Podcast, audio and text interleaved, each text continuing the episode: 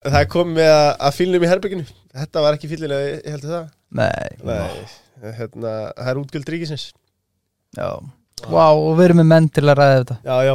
Uh, Hörra, nú ert þú fjármálstöru ríkiskaupa eins og kom miðan áður, uh, komst það úr Arjóbanka uh, sem að og ber þar með ábyrð og öllum útgjöldur ríkisins. Þetta er sökutólku Já, ég veit það, Við ég erum með fílinn hérna í, í, sófanum. Hvernig var að koma úr tákmynd kapitalismans á Íslandi í, uh, ríkiskaup Já, mörguleiti mjög sérkjænlegt ég verða að viðkjöna að þetta hefði ekki verið svona e, fyrsta skrefið í mínum huga svona ef, ég- ef ég lita á fylgskrána en eh, Sara Lind, eh, að mörguleiti betri helmingur vera. en betri helmingur röflanar sérna við hliðina á mér.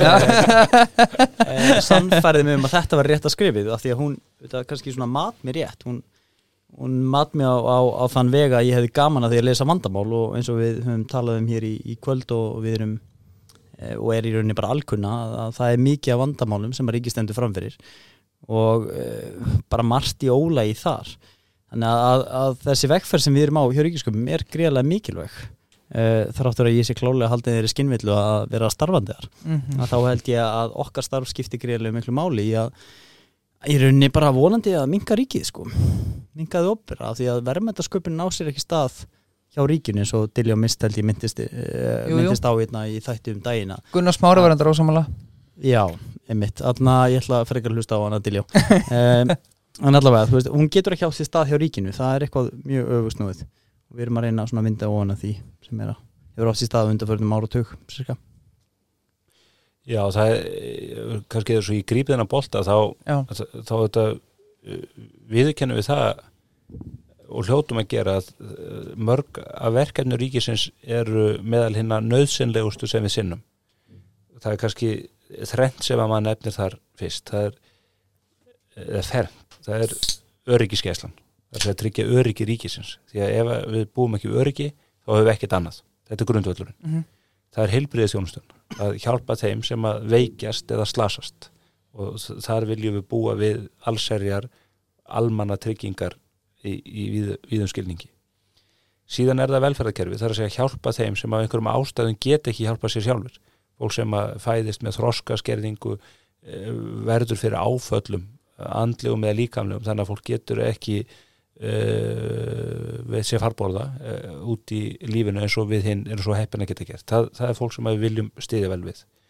Og svo í fjórðalagi er það mentunin sem að í, í, í mörgu tilliti er á, á herðum ríkisins og getur kannski ekki verið annað að stórun hluta.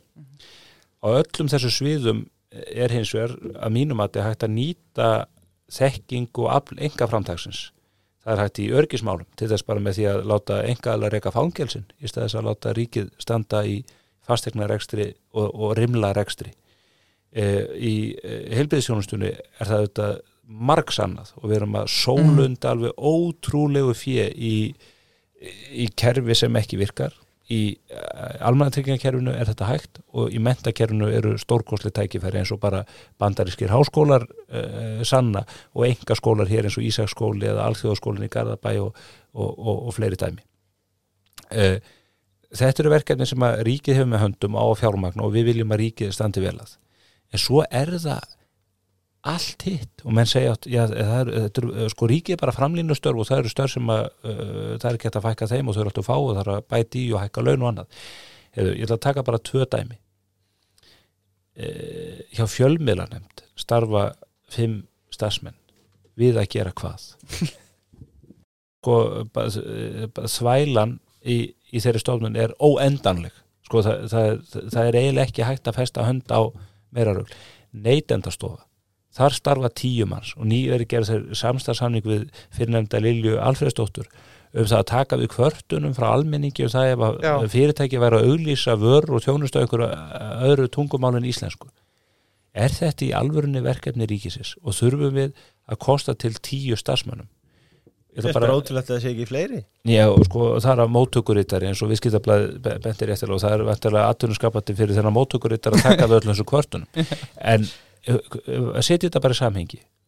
Hvað þarf marga starfsmenn uh, marga starfandi á hinnum almenna vinnumarkaði bara til þess að standa ströym af kostnaði við þessi 15 störf sem að ég hef nefnt sem að öll eru augljóslega óþörf? Það þarf svona á fjóruða tug manna, það eru 40 manns sem mæta til vinnu alla daga til þess að eins að horfa upp á helminglauna sinna hirtan að sér með einuður á móti til þess að standa ströym af þessum óþarfa störfum. Og nú á að fara að stofna mannréttinda stofnun Íslands og það er sífælt hægt að bæta í þessum efnum. Og þarna held ég að sé mikið verk að vinna og það góða er og ég held, ég held að hjörfa sér sammál með því að, það, að það, það kann að vera erfitt á meði stendur og sásökafullt að taka á þessum málum og bara leggja niður þessar stofnarnu og þessi störf þannig að fólk fara og finna sér eitthvað störf sem er, er raunverulega þess við að sinna. En þegar því er lokið, þegar, þegar búið er að taka plásturinn af og vinda ofan þessari vittlesu sem að hefur fengið að grassera, þá verður samfélagið betra. Fólki sem að misti störfin í, í hjá þessu stofnunum verður hafmyggju saman því að það loksins fer að vinna við eitthvað sem að eh, gefur því raunverulega lífsfylningu og samfélagið verður ríkara því að þá höfum við fleiri hendur starfandi í einhverju sem að skapar raunverulegan félagslegan og fjárhagslegan auð Já, en hefur ekki verið vandamálið eh, við bara svona lítið undir þess sem að Bjarni Ben tilkynnti hérna rétt á hann sagði af sér sem fjármálráðara hann tilkynnti hérna hagraðingar aðgerir um, þar af þar að meðal held ég 5 miljardar á launalið. Og við höfum nú ekki séð marga stopnarnir grípa til aðgera til þess að, að, svara þessu ákalli um að, að það þyrst að taka til í rekstunum og, og fyrir utan það minnst, minnst, 17 miljardar svona frekar frekar lítið í, svona, í stóra menginu. En, en ég er alveg þú veist að það þarf að meta hvaða störf eða hvaða verkefni e, ríkið á að sinna. Og allt sem er fyrir utan það það þarf að, að, að beita gaggrinni hugsun á, á þau verkefni. Þar meðal neytindastofa ég held í fyrsta lagi að þú er að við sko um neytindasamtökin en þetta er vist annar batteri e, og þetta kostar allt peninga. Af því að þeir sem að greiða laun þessa fólks e, til er engamarkanum og það getur ekki myndast það ójabægi að þessu jafnvel flirra starfi á ríkinu heldur en á, á engamarkaði. Þannig að, að það þarf auðvitað klárlega að fara í, í svona gaggrina skoðuna á, á þessum málum. Það er bara ósjálfbært. Við erum alltaf að færast nær og nær því að þetta verði ósjálfbært. Við erum að heyra nýjum og nýjum sköttum og ég á nú að tala bara við ágættan félagin minn sem að er eh, í góðu starfi en mjög erfiðu út á sjó. Þénar alveg svakalega vel. En hann sagðist vera orðin mjög þreyttur á því að um hver einustu mánaðamót fær hann launaseðli í hendurnar og eftir stendur í veskjuna hjá honum minni peningur heldur hann er tekin á honum. Það er minn en 50% sem að situr eftir í veskjuna þegar búið er að hýrða lífið í siðgjöldin staðgreisluna útsvarðu og allt þetta. Mm. og við stefnum bara í þá átt að eftir nokkur ár þá verður þetta ekki 50% þetta er kannski 60% og, og ég eh, sko, segjum sem svo að þetta væri alltaf farið það að hérna, bjarga heiminum eða, eða gera líf fólks betra. Staðrendin er bara svo að svo er ekki. Og þetta eru, eru þetta bara óteljandi dæmi sem að hægt er að nefna í, í því sambandi. Eh, eitt af því eh, sem var nú kom fram ofinberlega fyrir ekki svo langur síðan voru bara innkaup á húsgögnum hjá, hjá skattinum. Ég þetta Mhm. komið fram hjá viðskiptablaðinu. Skattunum hlýtur í nýjar höfustöðar Það var að 300 vel, segi Já, eitthvað, eitthvað í- Glæsilegar höfustöðar Já, haldið þið enga fyrirtæki Glæsilegar. Ég held að kvika hefur verið opnað það, sko. Já, er það, það er margt flott hjá kviku ég fór nú í heimsókn hjá landsbankanum sem að reyndar enn úr ríkisbanki þeir voru að flytja inn í þessar stórkoslu höfustöðar Já. nýju, mjög glæsilegar þar er hellingur af húsgögnum sem þeir tóku með sér úr, úr fyrri starfstöðum en það kom ekki til greina á skattinum sko. það, það fór bara á bálkostin sko. Það var alltaf, það voru úrelt Þetta var, það var Það eru samt ekki nema hvað Sko- Það eru bara einhverju 500 starfsmenn skattinu En hérna-. Já, þetta er uh, Þetta er spurning sko, Varstu búin að spyrja hér hvað kom mest á óvart við- sko sko mér... Ef við höldum aðeins áfram með þetta að þú veist, ef við berum bara saman engamarkaðin og, og ríkið Mhm. og við opera og þá hefur alltaf jafnbæði verið þannig að engamarkaðurinn greiðir, þú veist, harri laun Mhm. en gerir hins vegar frekar í kröfur Nú erum við að, að horfa upp á það að það er verið að greiða mögulega bara keimlík laun það er stytting vinnuvikunar sem er, uh, við erum er að krefja þá sína starfsmennum 36 stunda vinnuviku. Um, og síðan eru réttindin töluvert betri myndi ég halda hjá ríkistarfsmennum Mhm. það er að segja að það er erfið að segja þeim upp fyrir uh, arfaslög störf. Þannig að maður fer að spyrja sig af hverju ætti einhver helvita maður að starfa á engamarkanum það getur þetta ekki verið rökriðt niðurstaða bara með engum móti. Og, og hvað þá ef við fyrir að tala um einhverja fasta yfirvinnu eða þess þá heldur sem, að, sem marga stofnir eru að greiða til þess að lokka til sín eh, atna, hæft starfsfólk. Þannig að ég held að þetta er orðið mjög öfusnúið og það þarf verulega að taka til þarna. Já. Og nú er vinstir maður eins og ég, ég, ég er í ungum mínum. Þú ert alltaf vinstri maður í Já, grunni í sko grunninn er ég það. Uh, alltaf á mjög erfitt með þessa, þessa samræður uh, En hérna Gott að vera með svona þrjá viðtri menn með sér Já, sko. já, en nei, nei, ei, hérna, sko, nú er mér sjómaðurinn sem að Stefán myndist á engar hugleikin, sko, Mhm. hann, hann, hann, hann situr eftir með kannski minna en, en helmingin af því sem að uh, Hann færi lögin hún var greitt og, og þá á hann eftir að borga sína vendatólla, virðisvöka skatti sinn og, og Jú, jú. þannig að endanum fer að, sko gríðarlega drúur hluti raunverulega aftur til ríkisins. Uh, sem er vel Sem finnst er vinstri vel. manni sem er.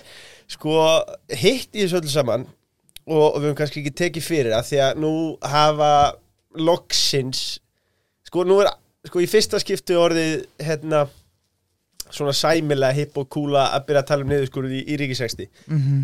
um, margir myndu segja þegar að það er að einhver leitu um seinan en, en jú, betur seint en aldrei. Sko, maður byssi samt e- eru stjórnmálamenn að lofa upp í ermin á sér þarna? Hvað var það sko að, að við erum búin að tala um út, útblástur þessara ríkistofnuna er starfsöryggi er, er hægt að vinda ofan þessu stóra bákni sem er komið? Eða, þú veist, getur við eh, rekið ríkistarfsmenn á færibandi? Eða hvern, hvernig er það? Að þau höfum nú aðeins að tala um sko launin sem að ríkistarfsmenn hafa og, og fríðindin. Og, og þar innifall lítur að vera Já, starfsöryggið.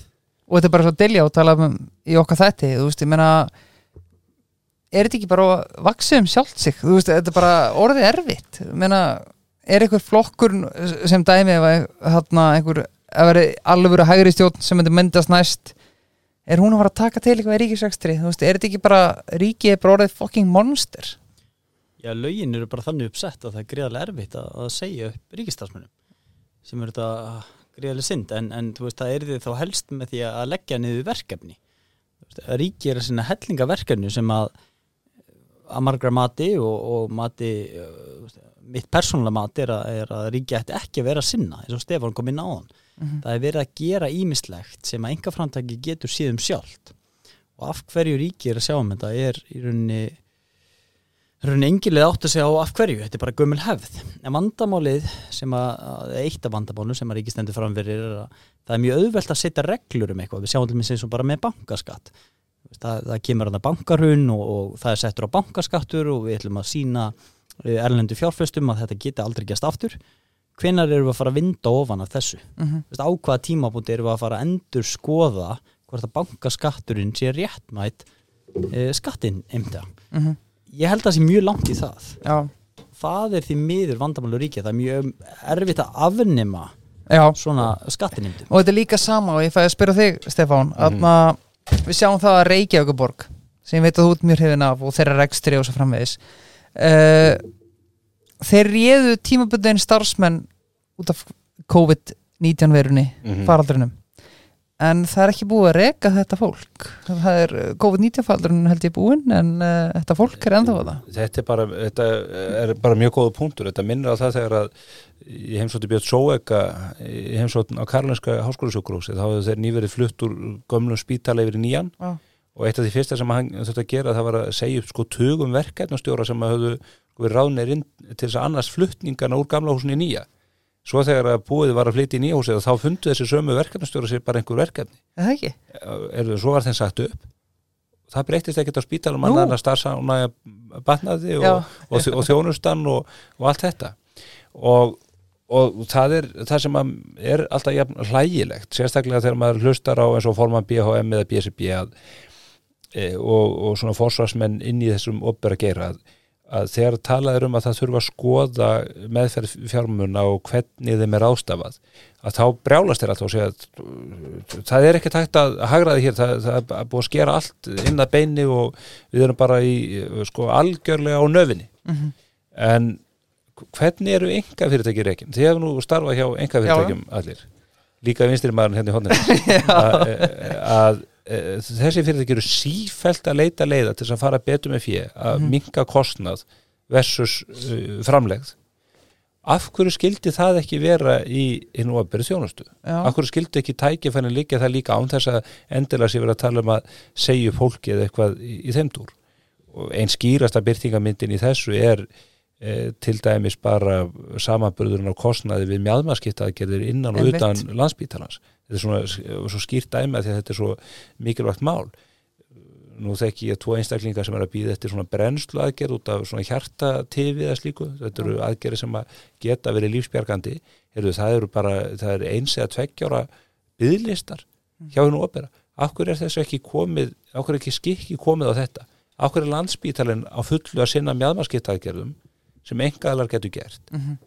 af hverju setja þeir ekki mjadmarskiptaðgerðunar sem kosta minna hjá engaðalunum í þeirra hendur og vinna þá á móti niður byðlistana á lífsógnandi e, aðstæðum fólk sem að býr við e, gáttatif eða, eða hvað þessi enginni sjúkdómar heita. Af hverju eru menn að berjast á móti því að e, kaupa þjónustu sem er nöðs, að, framleiðsla ríkisins á þjónustu sé hagkvæmari heldur hún er í dag og þannig er kerfið einhvern veginn alltaf að verja sig og svo erum við með svona krettu full fólk uh, vinstri mennina sem að bara af því að þetta er ríkisrekstur og af því að þetta er engarekstur og þá skulle þetta vera svona Mhm. ég sá nú, nú er lækna Tómas og einhverju fleiri að berjast gegn þessu ágæta nýja fyrirtæki sem er að bjóða fólki upp á svona, uh, færi svona heilskan til þess að kanna hvort það sem annað. peningablott Já, það, það segja þeir. Ég held að vinstri mennirnir séu alfarð á móti þessu fyrirtæki því að þeir eru svo hrættur um að ef þeir eru skikkaðir í þetta tæki að þá kemur ljós að þeir eru ekki með neitt heila. þeir vilja ekki að komast upp með það. Já, en skort, en þú veist, ef við tölum bara atna, um hilbyrðistefnina skort Hjörvar eyðir þessu tali bara. Nei, það lítur að vera vottur að heyra en skortir þá bara ekki auðmýttina að viðkjöna í einn takmarkanir veist, við erum að sjá það að landsbítalinn var á sín tíma ég veit ekki hvort enn með starri hagdeild en Arjóbanki já, já. í hvaða, í hvaða raunveruleika er það í lægi Mhm. það eru hellinga millistjórnum alveg eins og ég er ekki að fara að, að, að, að, skera upp hjarta á þér Birgir, vonandi ekkert á næstunni að þá ættu læknar ekki að vera að skipta sér af störfum sem tengast ekkert uh, því að, að stöðla að almennu hilbriði nei. þetta er eitthvað sem að vandar finnst mér í hilbriðiskerfið að viðurkenna Þeir eru bara eitt dæmi, bara landsbítalinn er með sko heila fjölmiðladeild. Já. Sko all nokkra starfsmenn sem er að sinna podcast upptökum, ljósmyndun, vídeo upptökum og fréttaskrifum. Og ég hef nú átt við þetta fólk, sérstaklega þegar verið að reyna afvegalega umræðun út af COVID og annað. Já, og, og þetta er auðvitað eh, það er magna til þess að hugsa og þessi fyrirtæki verðast alltaf geta e, bætt á sig fólki ég nefndi nú um daginn í, í þætti og fekk bátt fyrir að þegar Bjarni Bendisson fyrir fjármárar það var nýbúin að tilkynna það að það ætti að draga úr launakostnaði ríkisins. Ég þetta hann hafi gert það hvort það var á 50 degi eða hvað það var. Svo vakna ég á lögdagsmótnu og nutta stýrunar augunum og tek mokkan og lúinni og, og opna atvinnublaðið. Og þá er það á forsíðu auglýsing frá Hafrannsóknarstofnun að auglýsa eftir upplýsingafulltrúa. Já, Sveldist þér á kaffinu? Ég, sveldist ég, já, já, ég á mér Sóttum þetta. ég á mér þann blauta draum sjáar blauta draum að vinna hjá Hafrannsóknarstofnun við að tala við torskana eða í, hvað bærist um í huga postjóra Hafrannsóknarstofnunar sem að hlustar á fjármárar að þannig að tala um þetta og ítir svo á send. Æ, fokk it, ég þarf samt upplýsingum Nei, veit, þetta, er, þetta er svo yfirgengilegt. Já, Er það En verðum við samt ekki að hafa- Nei, við tölum bara hreint út um þetta. Þú veist, Heldur þú En bara hvernig- í einfeldni minni sorry, ég verð að spyrja þér Hvernig ætli við satt að fungera ef við erum ekki með átíðafer, póstin, styrkja bíó og partí svona? Þú veist, hvernig ætlum við að gera það? Já, já, það kemur dagur eftir þennan dag. Allavega, þú veist, ef, ef við tölum bara hreint út um þetta þú veist, eh, var, voru stopnarnir að hlusta á það sem að fjármálar á þeirra hafði að segja? Það er einhver fagur á þeirra sem er yfir þeirri stopnun bera þau einhver skildu að hlusta á fjármálaráðara ég veit sangat lögunum þá eiga þau að gera það en ég er ekki vissum að það hafi gert það. Og þessi auglýsing er bara mjög bersinlegt dæmi um að það hafi enginn verið að En hlusta. meina við sáum vegagerinn fór í rótakar útgerðir ráku 1 af 500 og þú veist þetta er alveg fungur það já, já, já, það er ennþá vegir þeir, en, en, þeir virða bara stefnumörkunna vettu í og það er galli við kerfið í dag að þegar að stjórnmálamenni koma og leggja línuna að þá bara svarar kerfið ekki. Það er eins og að það sé e, það er vorið einhvers konar skamhlaup í kerfinu og bóðin berast ekki. En, en sko ég spyr mig ég spyr mig bara reynilega uh, jú, maður, maður hefur unni í einhvergerunum og hefur einhverja takmarka reynslu engasíður þar á 25 ára aldri. En, en, en sko það sem að ég teki eftir er á, er á hérna, hinnum almenna vinnumarkaði ef að fyrirtæki er ekki í, í miklu tapi og er kannski uh, þungt í vöfum og, og, og, og íbúrað mikið þá kannski kemur einhver inn tekur bara kontrollan sem dæmi rekur 100 manns og hérna snýðu stakk eftir vexti. En sko aftur segjum að, að ríkistjórnin segja herri nú þurfum við að taka til hendinni og við þurfum að skera niður. Hafa stjórnendur er þeir ekki bara döður hendur um að segja einhverju mannesku og síðan fá í grillið 20 miljonir sekt fyrir ólugum þetta uppsögn? Eða hafa þeir það sem að þeir Nei, Þurfa til þess frábær að- punktur. Þeir hafa það náttúrulega það, er- það, er að að, það er hægt að segja upp ofinbjörn starfsmönnum ef að fyrir því eru gild rök og ef að það er rétt gert. Má það vera til dæmis bara erum að skera niður? Punktur. Ef að menn er að skera niður, já, jú, skipularsbreytingar eru lögmætt afsökun í því. Það fjallum sem betur fyrir dómur um daginn í landsrétti, þar sem að einhver hérastómari sem að hefur nú sennilega við afar illa fyrir kallaður, dæmdi Byrnið Þorlásinni sem hafi verið upplýsingafulltrúi hjá umhverfistofnun. Híminn hafa bætur, ég held að eh, sko vel yfir tíu miljónum öllu að því hún var sagt upp. Uh, ég veit ekki hvort að það var illa staðið þeirra uppsögn eða ekki en landsréttur snýri því máli sem betur fyrir við það hefði verið algjörlega ríkalegt fyrir skattgreindur að að punga út fyrir þessu svo var nú annar dómur að falla núna í máli sem að vísir fjallaðum skrifstofstjóra sem var sagt upp og hún voru dæmdar uh, á þriðja 2 miljóna það var bara maður það, sem, það er sem við vistum menn köllum fullaða sigur það, það er bara maður sem áttu þetta að reka með skömm og á réttum fórsendu það var bara maður sem hafði brúðist starfskildum sínum mjög alvarlega. En að því að menn þorðu ekki að konfrontera mannin með nákvæmlega það að þá voru búin til einhver gerfirök fyrir uppsögninni.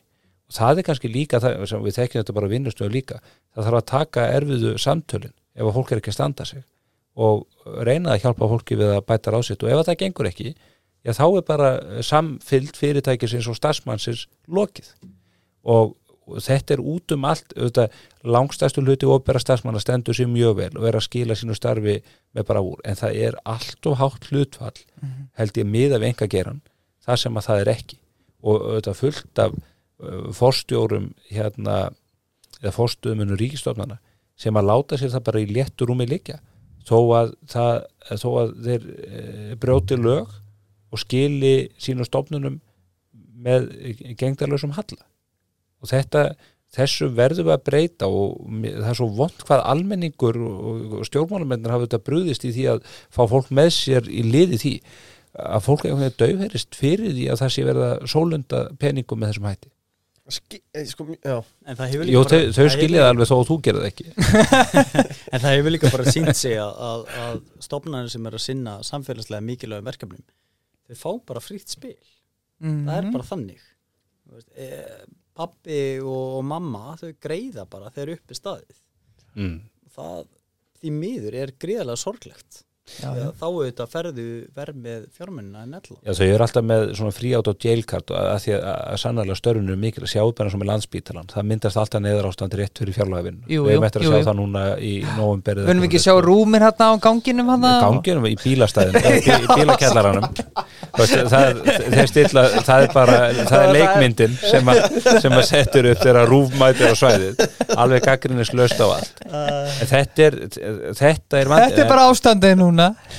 Og ég vísa bara aftur í viðtöl sem að ég hef tekið við Björn Sóeka sem að rekur flottasta sjúkrás í Evrópu. Já, þeir hafa bara rekið fólk hægri vinstri, fækkað starfsfólki læknum og sjúkraliðum. Eru við ekki að miklu meiri peningi í þetta heldur en svíðanir eða? mm, við erum með miklu herra launað fólk. Ok, en ég held að við séum eh, ég er ekki vissum að við séum að setja herra hlutfall af þjóðaframlislu en við erum þetta líka hlutfallslega yngri. Mm en þeir eru með þetta risastóra sjúkrá sem að velti svona þrísvar sinnu því sem landsbítalinn velti 300 miljardum ári. Og þar bara hafa þið verið í miklum niðurskurðaðgerum að því að það hefur verið yfirvofandi yfirstandandi halli á rekstrinum. Og hvað hefur gerst? Samhliða þessum aðgerðum hafa byðlistar styrst Já. þjónustan hefur batnað og starfs ánægja fólksins sem ekki var rekið hefur batnað. Takk. Og þe- þetta þrend er nú væntalega það sem þetta gengur út á. Það En ég skil bara ekki okkur ég, Nei, það, það er vandamáli í þessu sambandi. ég, ég skil bara ekki okkur ég má ekki eiga kökuna og borða hana líka.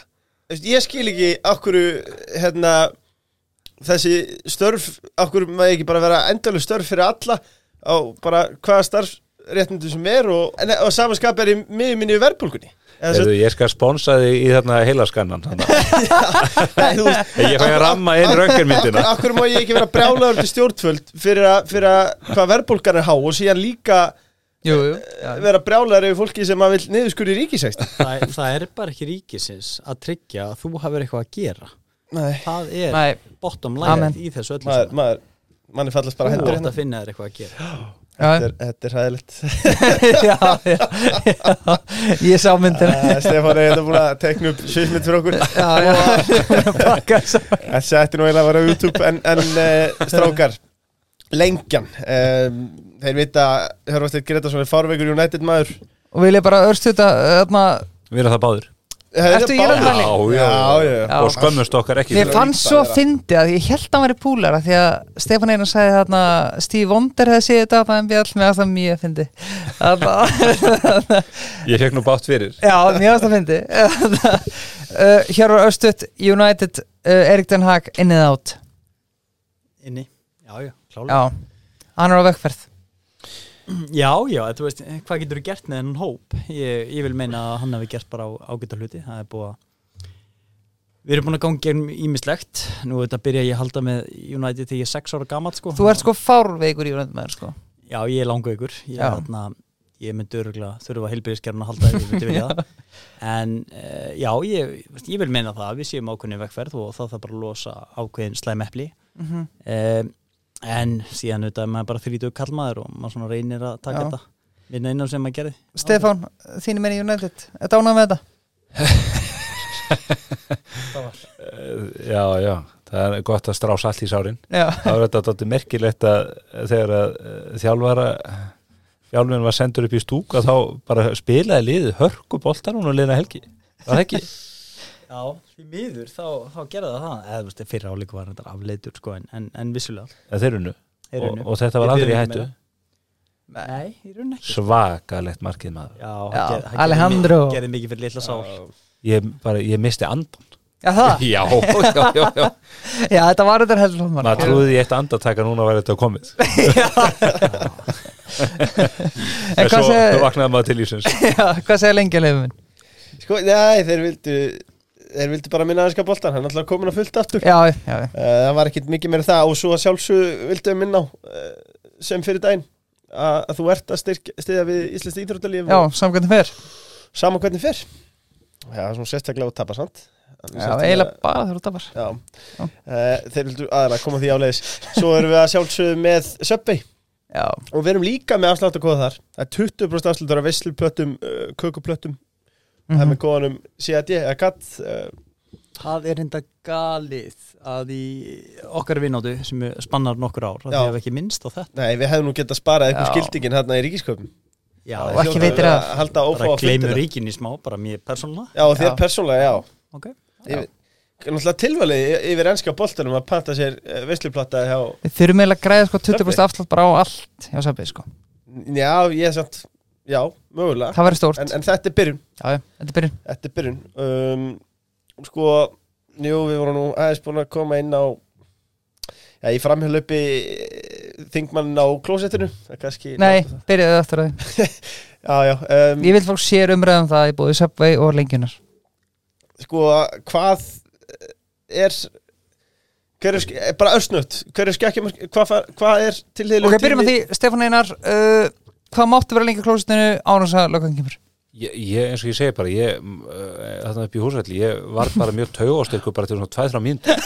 Þannig að ég held að þetta sé bara þannig að þú bara, þú bara ferði inn og eh, ekkert verið eða tíma í að læsa að þér en svoleiðis, bara, bara drífa þetta af og eh, bara inn út. úst, he, Þú úst, bara að tala mínútu eða eitthvað Ég, svoleiðis ég tala, ég kannski max 2 mínútur. Ég meina ekki ætla maður að hætta á það að vera bara snúið niður Nei, og, og handtekinn. Nei, þú vil Hér var hvað segir þú? Hvað er Já. að tala um í mínútum? Ég held að áfengi væri hæðalósandi hann er mikið mjög óvart að þú þurft að verja meiri tíma en fimm mínútum hann ég verði að viðkjum það en einhver að kalla út lögregluna fyrir þetta það er líka Það er auðvitað En svo finnst mér ljóst að merkilegt lögreglan sko- er ekki kölluð út vegna svona og ef hún er kölluð út vegna þess að einhver neytir að fara á klósettinu þá kemur lögreglan ekki sko. Nei, sko, ég, ok, tökum það Stefán Þú ert á skemmtistað og þú ert að býja eftir klósitinu uh, og aðalinn fyrir fram að það búin að vera þetta lengi á klósitinu ringir á lögregluna að kvolpasveitin held ég sé fyrst sko en Nei, þetta er það dýraverðinni sem að bregðast við og þeir einhvern veginn uh, viðast fara inn á salernið og vantarlega hafa ekki farið inn á salernið nefnum með því að brjóta upp hurðinu nefnum hún hafi skilið eftir ólæst. Það er svo margt ósagt í þessu máli. En mér varst ágætt sem að ég sá uh, Hannes Holmstein nefna að, að, sem að um, ég held að það sé full ástæð til að gera út af því að við munum eftir klausturmálinu. Jú, að nokkrir valinkunnir settust niður á bar og, og fór að tala svona misskálega um fólk já, já. og allt í, í svona hálfkveðnum e, vísum og, og sumt var klúrt og annað ekki. Og allir hafa nú lent í því að taka þátt í svona spjalli. Þeir sem ekki hafa gert það er annarkvort vinalausir Eða algjörlega húmóslausir Já, eða ljúa já. Já, það hafa allir e, ekki og móti- mín kresa Ald, aldrei, nei, já, Nei, aldrei. Akkurat. E, e, síðan er það þetta mál. Og til munu hvernig fjölmiðlum var um, um klausturmálið kalla Dag- þetta höðun dag eftir dag eftir dag. Og fólk kjöldreið og smánað og krafist afsagnar og annað. Hver er niðurstunni þessu máli? Í dag fór þingmaðurinn eh, hérna af klóstinu og bent upp í ræðustól alþingis og fór að aðrið að laurugluna fyrir vopnaburð og, og, og aðgerði til þess að geta mætt hinnum ídrust og erfiðust aðstæð Mhm. og það, þetta er bara talið eðlegt Já. og ég sé, ef að lauruglan hefur handtekið hana fyrir að hafa verið á lengi á klósettinu þá er það í fyrsta lagi alvarlegt bara vegna þess að borgararnir eiga ekkert að búa við það að, að hérna að vera handtekni við það að fá ræpu þú veist það er ekki ólulegt að fá niðurgang en ef lauruglan hefur sannarlega gert það þá er það mjög að- ekki síst út af því hver átti hlut. Hún er kjörin fulltrúi, hún er hluta lögjavaldinu og ef að lögreglan til þess að geta komist upp með það að handtaka fólk á svo hæfnum fórsendum sem að ofan eða framangreinir þá er það bara mál sem að þingið ætti að taka upp af fullum þungu og í öllum alvöru ríkjum er þið bara einhver nefnd á við þingsins sett ég að skoða það mál. Já, staðrindin er þetta svo að lögreglan getur ekki tjásu um þetta en þetta þarf bara að leiða fram í dagsljósið öryggismyndavilar, vitni, annað það þarf bara að, það þarf bara að taka plásturinn af. Já. mér að tala hlæpitungu löst sko, það er náttúrulega ekki fræðilegu möguleiki að hún hef ekki verið með uppsteitt uh, kjáttbrúk og eitthvað þaðan að vera líklega. Öll líkitum, sko það er engin handtekinn fyrir það sko.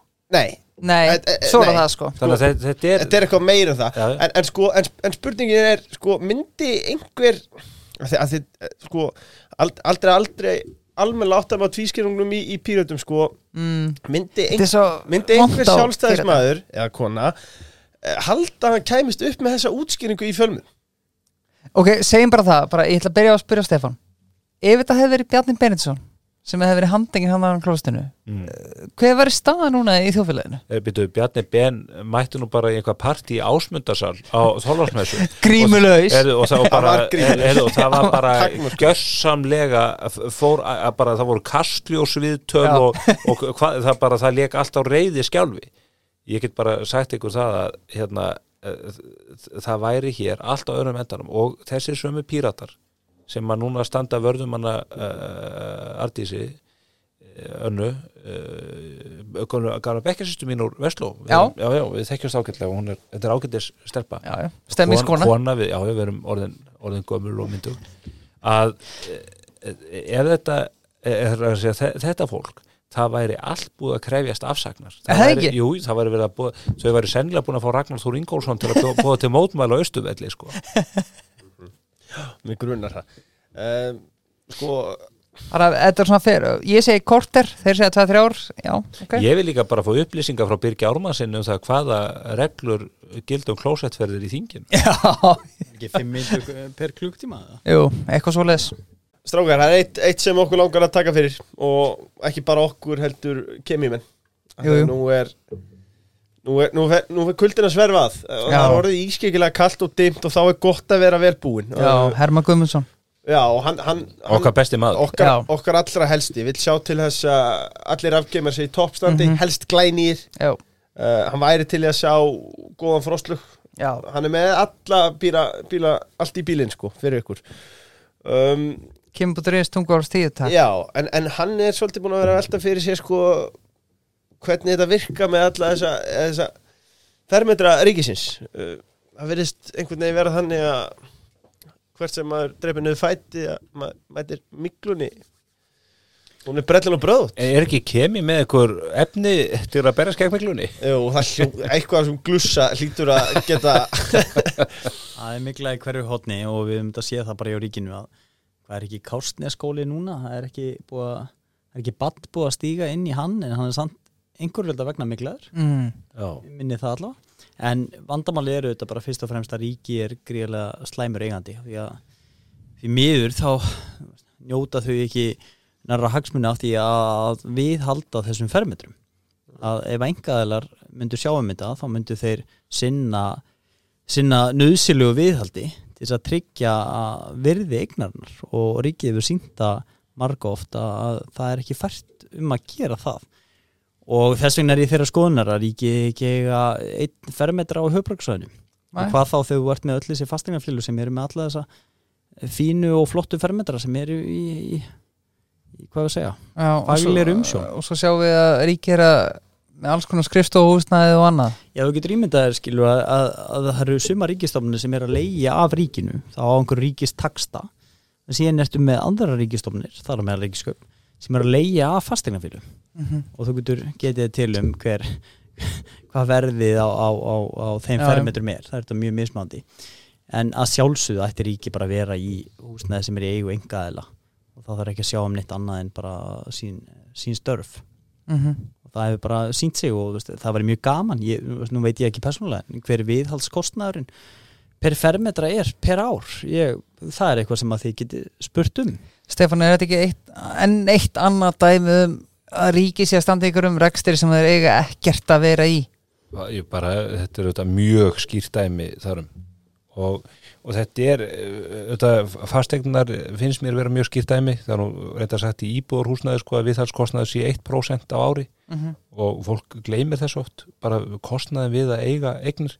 Ef þú átti eign upp á segjum eða einbýlishús eða raðhús upp á 150 miljónir sem er kannski eitthvað meðalverði á höfbruksvæðin dag þá er uh, viðhalskostnaðin 1,5 miljón á ári. -hmm. það þýðir að þú ert að þetta tak, eða eiga svona 120.000 á mánuði í viðhald. Og, þe- og þetta er það sem að gleymist í þessi allir umræðu um hátt leiguverð á almennum húsnæðismarkaði.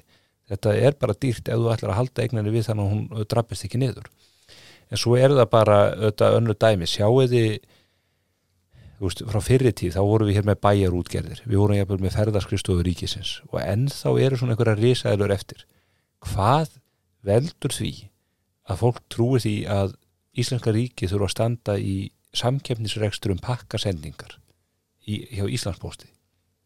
Og maður segja, já, það þarf að vera hægt að bera út póstin og brefin Jú, jú, Heyrðu, það er bara með einu pennastriki hægt að segja við ætlum ekki að bera út post það er bara gert rafrænt, ef þú þarft að senda jólakort eitthvað þá er það bara þitt að leysa úr því og þú getur þá greitt engaðala fyrir að, að senda þessi postkort en uh, glugga umslög uh, þessi frægu uh, reikningar eða, eða eitthvað greiðslu áskorunir, það er ekkit mál að gera þetta allt rafrænt í gegnum Ísland.is eða heimabanka eða hvað það er.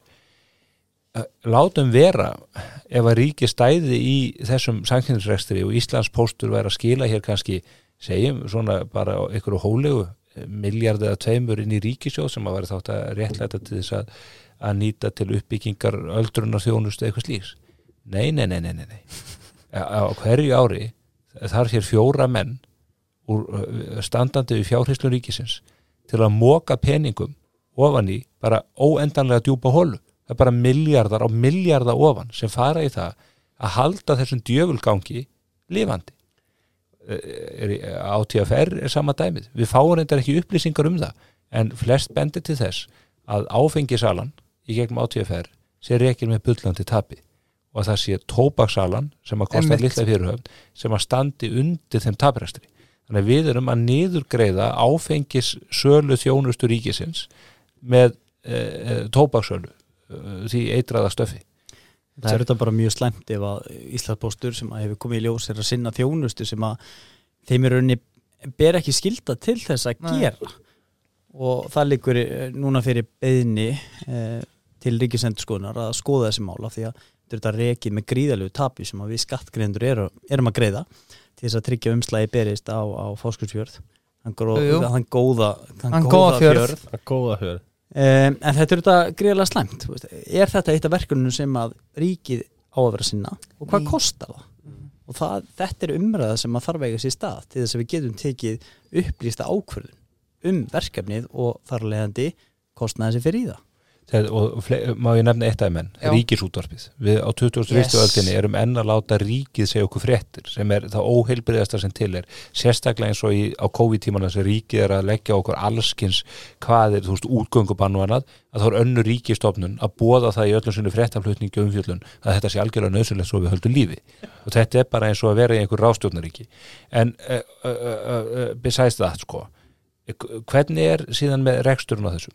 þeir fá 6 miljardar ári í, í, í sköttum sem eru heimtir af okkur uh, nöðum og viljum og síðan er þetta alltaf ekki með botlusu tapi ég held að á fyrstu 6 mánuðu þess ás hafi tapið verið 100 miljónir af hverju er það? Er það vegna að þeir fá ekki nóg peninga?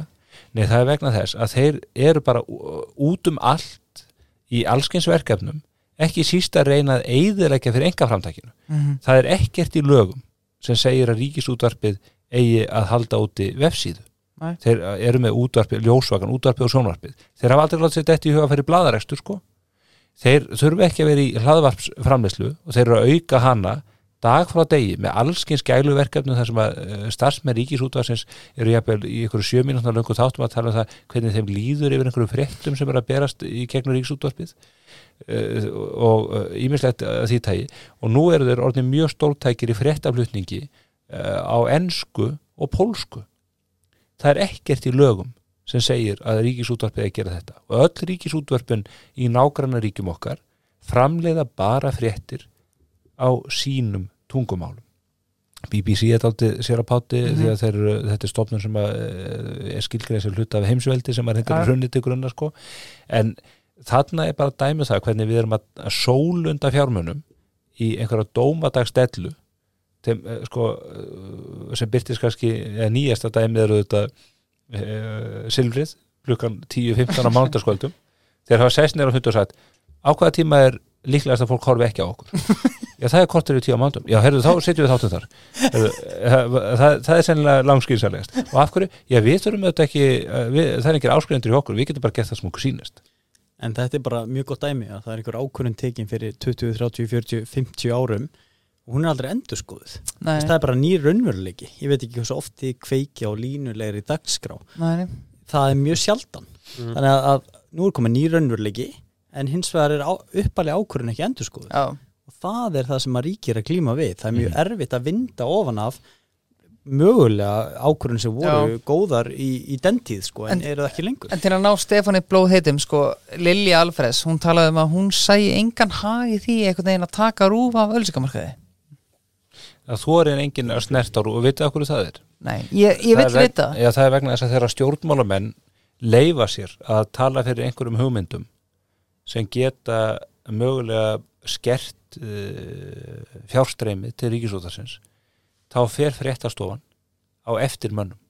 Já, menn lenda í ónáðinni þeir komast ekki að í umræðu þáttum uh, þar sem að stjórnmálamenn þurfa að geta að tjá sig og komið sínu sjónum með á framfæri. Og svo eru menn bara uh, tekni fyrir og það er hamast á þeim. Menn þóra ekki að taka slægin við ríkisútvarpið því að það kemur þeim í koll. Að Þetta vita, er- Birki, við skulum hætta því. Þetta er, þetta er stór hættulegt þetta er mjög óheilbið, þetta er algjörlega vanheilagt bandalag. Ég, ég segi fyrir mína parta ég- se, segi eins og svo að nefnskatturinn er bara að vera að það sé sátt um það er auðvitað ekki sátt, það segjum að, að það sé bara sæst á það að hann seti staðar. Okay. en okkur gerum við þetta þá ekki bara eins og með e, var gert með trúfélugin og, og hérna sóknarkjöldin þú greiðir á hverju ári á annan 2000 í, í, hérna, í útvarskjald og engal hlutafélagin sem þú átt og allt þetta. Og allir sem eru orðnir skattgreiðin dröðlögum sko unglingar og aldri þú fær þá að velja. Í upphafi þessa kerfis þá fær ríkisútarpið öll þessi hérna, allan þennan nefnskatti sín. En þú getur með því að fara inn á Ísland.is ákveðið að skipta þessari fjárhæð á milli fjölmiðla eða hreinlega að segja ég bara neita ekki íslenska fjölmiðla og, og ætl, vil ekki að minn skattu færi það og ég, það fer þá bara til Háskóla Íslands. Já, eða þess vegna til Rauðakrossins eða ein, einhver slíks já, bara samhjálp eða eitthvað. já, eitthvað slíkt. Og ég held að þetta er því ég er ekkert vissum að mjög margir myndu stíga þetta skref en þetta myndi gera annað, þetta myndi veita ríkisútvarpinu aðhald Mhm. þeir myndu það vita þegar þeim verður hálft á svellinu ef þeir myndu í einhverjum undarlegum aðstæðum til þess að ræna síma af helsjúkum manni og afritan og fara að flytja fréttir af hans engamálum og fólki myndu óbjóða, þá myndu þeir vita að þeir myndu missa spón og raski sín ef að þeir uh, færa framleiða efni sem að misbyði uh, einhverjum ákveðnum hópum, þá myndi það hafa áhrif. Ég segi fyrir mitt leiti að uh, margt sem að ríkisútvarpi gerir gera það vel um, ég minnst þátt að gera á rás eitt frábæri þætti sem að Jón Kristinn Einarsson sagfræðingur uh, framleitt um daginn um skaftarelda, það er mjög gaman að hlusta á þá. En til dæmis fyrir mig sem að trúi á minni eh, ríkisafskipti og, uh, og, og frjálshyggju í, í samfélagi manna að mér skuli bóðið upp á það á hverju einasta föstaskvöldi að Gísli Martin Baldursson taki menn fyrir, hamist alltaf á sama fólkinu Já, en hlífi alltaf öðrum pólitískum öflum. Mhm, og að það sé gert að minn kostnað. Það er brot á mínu tjáningafrelsi ég er neittur til þess að borga undir rassina manni sem að vinnur gegn grundvallar hugsun minni. Það er eins og ég væri neittur til þess að borga í félag íslenskra eða félag múslim á Íslandi. Já, mér finnst það bara samberðilegt Við skulum samt ekki glemma því að Gísli Martin vildi skjóta máva Það er eitthvað sem að Garðabær ef að Garðabær er að hlusta mætti taka upp. Já, já, helst já, í, í gær sko. Já, já. þetta er alveg rétt hjá St- Stefáni að, að þú veist við erum mjög lélegi neytendur þegar kemur að skattgreislum við erum mjög lélegi neytendur að því leitum til að við greiðum skatta. Við áttum okkur á því að, að við berum lögbundna skildu til að gera slíkt. En við erum mjög lélegir neytendur að því leitum til að við erum mjög lélegir að meta í hvað skattat er að fara, við bara greiðu þá og þeir eru ekkert að fara á allt og gálega staði eins og svolítið og, og það er bara mjög gott að Nei. hljum sko. Já, reyndar er uh, kerfið þannig til spúnsuna, þetta er svo góðu punktur hjá þér, uh, Hjörvar, að við erum það lélegi neytendur að hversin sem að farið er illa með skattpenningar okkar, að þá erum við sannfærðum að leiðin til þess að bæta úr vandan sem við, sem að, hvar- sem við erum að kvartundan sé að bæta enn í einmitt. þannig að við erum, við erum eins og hamstrar á hjóli þannig að þetta, og, eftir því sem við hlaupum hraðar og það fyrir hjóli hraðar og svo er þetta bara allt komið yfir snúning og við ráðum ekki neitt við neitt. Æ, og við sjáum það bara með til dæmis það sem er að gerast í Grindavík. Ríkalegir atbyrðir og það er verið að sapna penningu fyrir grindvíkinga með því að setja einhver, einhvers konar eignaskatt. Treysti mér, það hefði verið hægt að taka til aðeins í ríkisækstri og finna Frekar. þessi fjármunni þar. Já, þannig er verið að kaupa sér eða kaupa sér, eh, það er allavega verið að búa til einhver einföld atkvæði mhm, með því að, að segja við stöndum með grindvíkingum. En það hefur verið hægt að gera það með allt öðrum hætti en verið er að gera það er ekkit alltaf að taka og taka enda laust, það er að hins vegar að ráðstafa betur. Rétt. Treysti mér, það eru fjármundi staðar til þess. Nei, borða kókuna, eigana líka. Já, já, já, þú ert byrjar að búa til aðra kukk og borða það er ekki til staðar sko. Sko, já, til að slá botnin í aðra umræði hérna að við erum nú mikið vatnurinn til að sjá að síðan þá en, en við hófum þessu umræða því að ræða þetta er búið að fara um allt? Já, fermyndrana, uh, ríkisfermyndrana og hérna Stefán, við reddum hann aðeins fyrir þátt uh, eins og sannur kapitalisti sá sér leika á borði um, um hérna ákveðna hagnýtingu og Mhm. mögulega ekstra tækifæri á, á þessu miklu húsnæði. Já, Stefán, er eitthvað sem við getum gert kannski við þetta? Þetta er náttúrulega allt handónut eða hvað Nei, ég fór að hugsa hvort þau getur notað bara þetta rými ostaframlislu þar sem að með þurfa að gerla og, og, og miklu e, það var allavega það finnst mér bráðsnjar Eh, Já, hvít miklu osta og, og blá miklu osta og, og annað. Eh, Ég minna það til þess að í kjöllurunum í Champagne og í reyndar öllum vinkjöllurunum með heimið, þar er rosalega mikla mm. og þar sem flöskurnar liggja árum saman jafnvel og, og býða síns tíma að þar liggur svona miklu hjúpur yfir og, og það vaksa litlir sætir sveppir upp af eh, korkinum í, í, í flöskunum. Og þetta er bara hluti af svona hinnu náttúrulega ferli sem á sér staði þessum köldu, röku, dimmu uh, hýbílum vínana þannig að þetta er, þetta er ekki alltaf vond en maður kannski myndi ekki vilja vera þarna uh, of mikið niður öllum stundum. En þessu fólki sem að starfa þar verður að þeir virðist ekki mynda því. En ég verð að spyrja einu að því að ég veit að þessu spurningu slegði í gegn og þarna ég fengi mikið að rósi fyrir og svona þannig ég ætla að halda áfram að spyrja hana uh, Af hverju er alltaf bara mikla hjá hennu omverða? það er nú ekki Er það ekki þannig? Er það ekki alltaf bara hjá hennu omverða? Já, það, Ég heyri aldrei aðra en omverða starfsmenn tala um miklu það er hansi mikið um miklu af því að við erum þetta Er þetta ekki mikið- bara við erum með opinberir svo mikið starfsmenn að- réttindum að við getum farið í kulnun í kjölfarið Nei, vandamáli eru þetta það að, að ríkið hefur verið að tala mikið til þessum sjálfbærni, sjónamið og alls konar svona þætti. Af hverju starfa ríkistarfsmenn ekki bara þremur til fjórum stóru vinnustöðum á höfuborgsvæðin Já. af hverju þarf öll þessi aturhúsnæði mm af hverju geta er ekki verið á einu stað þar sem er hægt er að kaupa inn á sama stað? Er þetta að kaupa ekstra vörur er þetta að gera þetta allt miðlægt? Myndi einfalda störf ríkiskaupa klálega haldið þeirri skinnvillu en e, það er að gera hlutur einfalda. Mhm. það þarf ekki að vera semja ræsting á hverju minnsta stað. Það þarf ekki að vera að gera hitt og þetta. E, og þetta er vonandi framtíðin. E, ég vona það einlega en, en út frá spurningu þinni var þetta mikluna þetta er alltaf einkennandi fyrir ríkisverðmyndra og það er bara því að við höfum ekki beinan kvata af því að sinna viðhaldi af því að það, mamma og pappi eru þarna. Já, já, og ég ætlast ekki til að sex ára strákurum minn sinni viðhaldi á, á minnifasting hvað þá, hvað þá ríki eða ríkistofnir að, að sínum mm og það er bara bersinlega sínt sig að, að ríki er arfaslagur eigandi að fermetrum. Já. en hins vegar á móti kemur að það er búið e, implementera í, í höfuð á öllum íslendingum að fastegnir séu leiðin áfram. Þú eignast fastegn og þú eru auður í gegnum það, ekkert endilega í gegnum atvinnu þína. Og ég held að ríkið sitt aldrei haldin e, aftur þessari skinnvillu að það að eiga fastegn sé gott og að það þú veist, sé byrtingamyndi ákveðins öryggis. -hmm. og ég held að það sé kannski vandinn. Já. þegar ríkið á ekki að vera einhvers konar fastegnafélag Nei, það er mjög skrítið Já. í bestafalli Já. Uh, Strákar, tíminn flýgur þegar að, það er gaman. Já, váka bara gaman. Og það er búið að vera mjög gaman og, og tíminn er búin að, að fljúa mjög hratt. Heldur betur maður. Uh, Við erum konið með uh, tæpa tvo og hálfum tíma þannig að aumingja hlustendur Já, ég segi nú bara greið þeir. Er, fyrir ekki, er einhver þarna enn að hlusta? Halló. Um, Ef þið eru enn að hlusta það með endilega gefa okkur engun. Uh, Nú vorum við að grísi út alla sósjálistina Já, þeir elska Ég sá sko tók Gunnar Smára og lækkaði einhvernig sko Þannig að það er svona Já, Já, það, það gerði það, hún gerði það. Já hún gerði það. Merkilegt, þeim, þeim er sko Þetta kallaði góða neytendur, Já, hlustendur okkar. Uh, Greið atkvæðið ef þeim- er misbúðið En uh, við eigum í raun bara rittar spurningarnar eftir.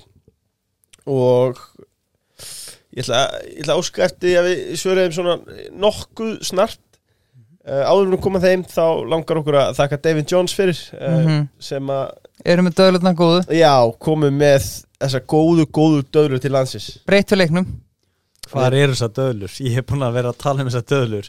Já, Hjörvar, ég, þær um- ég hérna Ég hef ekki fengið að smakka þessar dölur og ég hef heldur ekki fengið að prófa þetta gel sem að hafið bara sett En- einu sinni í hárið. Helst þetta alveg bara En Stefán, við skulum ekki glemma því að döðlur eru ráðið hæðatröðu rétt. En mögulega ættu þessar döðlur heima á þingi. Heima í pýrutum, Já, mögulega. Mögulega. Það uh, er vel til að smaka. Já, kíki dölur Kiki döðlur. Það er eitthvað að það. En, en já Alþingismenn geta þá valið sér bræðtönd uh, Já, Sko ég er mikið salt lakrís. Já, er það Já, salmjakin Já, þeir eru með lakrís og þeir eru með kóla og þeir eru með, þeir eru með alls konar góð geti um, Mitt persónulega uppáhald þessa dagana Já, Það er hindberlakrís já, ok. Ha, Já, ég er, ég er mikill lakrísmaður uh, En, en stráka, við hérna komum á okkur döðlum, ekki spurning. Það er svo Ég nota döðlur mikið á, á hérna á pizzu Já, er það? Já, Já, Það með góða aðstöðu. Já, já, já, garði. já ég, og uh, döðlur og svona sterk pizza með döðlum chiliflögum, það er eiginlega fátt betra Það er gott Það að bjóða ykkur úr og tækja þú ert Já. að gera það. Þetta er maður með góða meldingum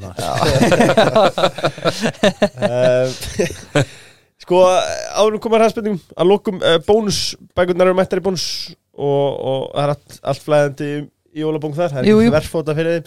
Uh, Svo er ný bónusverslun að opna í miðrhönni í Garðabæ. Mm, Þannig að það er engin afsökun fyrir að fara ekki bónus að það sé ekki Ný Minni nú á að það er fyrir fórstjóri ríkiskaupa sem er að taka við fórstjóra eða framkvæmstjórastöðunni hjá bónus Já, það er stórt, Björgvin. Björgvin. Víkingsson, hann er öflugum, hann er líka bekkjabróður minn og Vestló. Já, ok, Þetta er rosa- alvöru árgangur. Já. 83 árgangur, já. bækur Já, já, Árni Sigursson, nýr fórstjóri Marel. Var hann líka það? Hva- eh, eh, Er þetta að spyrja spurningar? Eh, Elon Musk. Síðan er þetta Stefán. Já, já, það er alltaf eitt svartur sögur uh, Strákar uh, David Jones þeir ríða á vaðið og, og það er okkar maður sem spyr uh, eigum við að hætta með ríkistyrki til stjórnmálafólka? Sérstaklega þeirra sem eru ekki á alþingi og, og hann bætir hérna við eigum við skattgreðendur að vera að greiða fyrir sósalista flokkin til að mynda að hann geti haldið upp í hlaðverfi og, og fjölmili og, og hvað eina? Uh, Stefán? Að sjálfsögðu þá að stöðva það að ein einasta króna renni frá ríkinu yfir til stjórnmálflokkana og þá að gera það á morgun og þetta er gjörsanlega ólíðandi og þetta er einmitt ein byrtingamind þess hvernig verða brjóta á tjáningarfrelsi okkar sem einstaklinga við kjósum og við getum barist fyrir pólitískum hugsunum okkar og eitt af því sem að fólk gerði áratugum saman í því skinni var að safna fjö til þess að geta auglýst og barist fyrir sínum hugsunum. Það mátti setja reglur um það að það var einhver mörk á því hvað fyrirtæki getur gefið hana í þeim dúr. En hvernig geta menn fengið það út að ríkið eigi að fjármagna hugssjóna baráttu fólksins í landinu? Hver, hversu steingelt verður líðræði sem byggir á slíkum, slíkum grunni?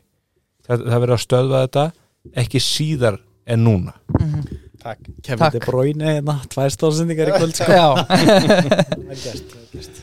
Það er gert, er Ég hefur tekur undir þessi orð Þetta er bara alls ekki flókið er ekki bara fráka Jú, það er Nei, nei, að sjálfsögur, ekki á ekki eitthvað e, e, þú veist, eða króni í annað en, en bara grunnum þjónustu. En að því sögðu, Það það þá er, ok, þú veist, sjósættarflokkurinn, hann er frábært með, gott laðar og fleira, en ekki bara hættu með alla styrkið, bara, Þetta er allra flokka. Já, bara gott að mér, ríkja og ekki eyða krónum í, þú veist, einhverja markað starfsemi.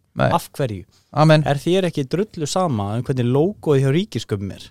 Mér Að get ekki með sjálfsögðu. sama. Já, það sjálfsögðu er það Þú veist, Þetta er bara eitthvað sem ríkisköpa starfsemin eiga að bara að, að, þú veist, að finna út úr uh, að sjálfu sér sko Þú veist, þetta er ekki eitthvað sem að við erum að vera að greiða einhverju fyrirtæki fyrir og, og Stefán svo sem kom inn á þetta á hann að, að, að sjálfsögðu, þú veist, við erum bara að sinna grunnþjónustu Já. Hvað þá þetta? Takk. Á það list? Uppáhaldslið í, í bestu deildinni hér Uh, ah, Breiðablik Vó, Breiðablik. bæing. Já Þú ert náttúrulega fjölusmaður í grunninn eða hvað? Já, Stefán, Stefán? Ég held með skallagrim. ok, það er því miður ekki að bóðstólum það er því miður ekki Jú, í býttu, bestu dildinni, sko. er, er, besta deildin er það sem skallagrimur er. jú, jú. Já, já, þetta er- Ok, þetta já, er já, ákveðin ok, já, Hún er leiðin, þetta sko. þú rétt að þinni sko já, já. Til Hjörvars, aldrei eftir tepla eða aldrei eftir að horfa á fótbolta spyr Gísli Þór aldrei aftur að horfa á fótbolta. Já, Já, það var erfitt En samt fyrir þig. Aldrei horfa á því Þú hún segir neyðið. þetta með træðu, ég horfi á þig. Nú Já, bara- já, að vissulega sko. En, en já, já, elska leikinn sko. Já, já. Um, Spurning til Stefáns. Hvað þarf til svo að rú verði lagt niður í núverandi mynd eða minnsta kosti þannig að þegnar samfélagsins þurfu ekki að greiða fyrir vinstri áróðurinn innbrot í hús og hamfarasvæðum og eitra fyrir fólki og svo kom Stefán Mákvæmt Snæmi sjálfur hann þegar hann talaði um að símum væri stólega hessugum mönnum eh, en þessi spurningi á Pétur Péturssoni Nothing less than a miracle. Takk Vegas. Uh, Önnur til þín. Akkur þetta svona á móti áskeri Brynjari Torfasinni uh, Þú ert alltaf að hlæja á hann um þjóðmálum. Er Hver- Hverjum? Áskeri Brynjari Torfasinni Aldrei hér talað um mannin Afgreitt. Uh, Þorvaldur spyr Af hverju er vinstrafólk alltaf í svona vondu skapi strákur? Það er bara mjög góð spurning, ég veit ekki. Ég, ég held að það skorti í mjög mörgum tilíkum húmor. Já, í alvöru, ég, ég held bara að það, þetta sé eitthvað í svona lífsafstöðunni með þetta einhvern veginn að sa, sæl sé samili imdinn og ríkið eigi að redda ef eitthvað kemur upp á þá er það ríkið sem er að re- redda því í staðis að fólkið bretti sjálft upp ermar og finna lausnir og ég held bara að þessi þessi sín á veruleikan sé mjög deprimerandi Mhm. ég gæti ekki hugsað mér neitt ömurlegra en að vera vinstri maður En var það ekki þá ákveðið frelsi?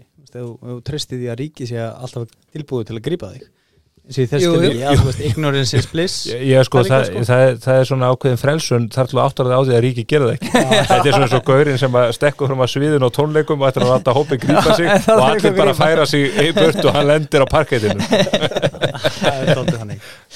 Það er er- Jú, jú. Ríkir ójöfniður á Íslandi? Já, Já, já. En hann er hvergi minni í heiminum nema í þeim ríkjum þar sem enginn á neitt. Það eru allir jafnir. En ef þú berðu okkur saman við OECD sem eru velmegandi ríki heimsins þá er hvergi nokkuð staðar eins mikill jöfnuður og einmitt hér. Það er eitt líka varandi munin á hægri mönnum og vinstri mönnum. Ég gleðst yfir því þegar ég sé að fólk auðgast og annarkvort fyrir heppni eða fyrir árangur erfiðsins ég glatist óendanlega þegar ég sá vestfyrðingarna og aðstandendur Keresis taka 180 miljardar út úr uh, sölun á því fyrirtæki. Okkur er það? Það vegna þess að ólíkt vinstirmönnunum þá átta ég mig á því að þeirra velgengni var ekki mitt tjón eða mitt tap. Ég veit að til lengri tíma litið ef þetta fólk fær frelsi til þess að nota fjármönnuna til áframhaldandi uppbyggingar uh, sinna hugssjóna, nýsköpunar þá mun ég njóta góðs af því í öflugra samfélagi og betra. En öfundin Mhm. er sennilega, og ég stundum haldið þess fram að öfundin sem að margir vinstri mennur og haldnir hún er sterkasta afl heimsins. Hún er það sem rekið hefur flesta út í stríð. Eh, eitt heilu ríkjónum og borgónum eigðir einstaklingum sem skara fram úr og er- sem eru rifni niður. Ég held að, að öfundin sé jafnvel öflugra og meira afl í mannheimum heldur en kynkvötin sem að þó veldur því að við erum 7 miljardar á jörðinni í dag. Stór orð finnst þið það? Já, Mér finnst þau bara sönn já, já. Maður er kannski bara á besta aldri Kynkvötin er long gone Nei, verða nú að geta að hugsa um eitthvað annað Já, eh, að að eru reyðið fyrir já eða nei? Já, já. Já, hægri menn Ég held að. Ríkisvaldið á ekki að geta rakið ö, allar okkar ferðir. Ef að við kjósum að að, að að gera nú samt. Hvað með allt það. Það er nú bara komin endalug eða sett gegn peningaþvætti það sem þú borgar með stórum sumum af, af reyðið fyrir þá þarf það að gera þeim já, skil sko. já, já, menn auðvitað reyna, að- reyna að setja mörk á slíku og það, það er sjálfsagt að gera það við setjum hámarsaða í umferðinni Mhm. en við sko bönnum ekki bíla þó að einhverju drepi sig á 160 sko. Gjössalega, þetta er náttúrulega ekki sambærilegir hlutir Eða setjum Nei, umferðljós á hvert götu ég er, ekki, að er ekki að segja þetta verið sambæri því ég er bara að segja að við gerum það ekki þannig að ég er að benda á, á það dæmi og með reyðu fyrir ef að ég, af hverju á ég að vera undirorpin bankastofnunum ef ég vil það ekki hvað er að því að ég taki bara út fyrir eða þau verð, ávísanir og þau verðmæti sem að ég unni mér inn eða á og ég geti geimt þau verðmæti þar sem að mér sýnist. Það þarf að greiða fyrir þessu húsgögn. Nú- Ha. Nú náttúrulega Já, já, já. Getur það samt með ýmsum hætti. Vandamáli er til dæmis að ef þú ert ellilífistegi þá getur ekki ávist að fjármunniðinni með einu móti á þess að fá í rauninni skerðingu á, á, á framlegin til þín. Leifur ekki náttúrulega leðilegur en þessi spurning ég tek hann út næsta því að þetta er bara búið. Það er allir sammála því að halda þessu inni sko. ekki ég. Ég er, er alfarið en, ósámalæði en, en á móti kemur þú getur klift það eru augljós rauk fyrir því sem að við höfum látið hérna Ég veist, við erum að tala um rafmyndir, skilur, sem að mæla fyrir því að við að við, við, erum, við erum með alls konar vöru sem að halda sér í verði. Við erum með fleiri myndir og við erum með alls konar möguleika. Uh, en þá ertu jafnvægt að gema hjá einhvers konar bankastofn sko stuðspurning, er þið ofnbæra mikilvægur þáttur í, í verðmætasköpun Nú til að slá botnin svolítið í þetta? Um, ég, ég ætla að leifa mér að segja jú. Já, óvænt. Eh, ég held að ríki sé uh, skap ekki verðmætin en ég held að það sé mikilvægur liður í verðmætasköpunni sem að fælst bara í því að halda uppi lög og rétti uh, öryggi borgarana uh, í tengslu við heilbríðisjónustun og þessar þættir sem við fórum yfir hér Mhm. fyrir þrema tímu síðan í þættir og, en, en verðmætin verði ekki til í þessari þjónustu. Búið til rétta umhverfið. Já, er það ekki? það, jú, við skulum samþykja það. Herriði, strákar, uh, búið að vera hrikalega skemmtilegt með ykkur alla Já. þessa fimm klukkutíma. Uh, Þökkum ykkur kella fyrir komin að báðum tveimur og, og sjáumst vonandi bara sem fyrst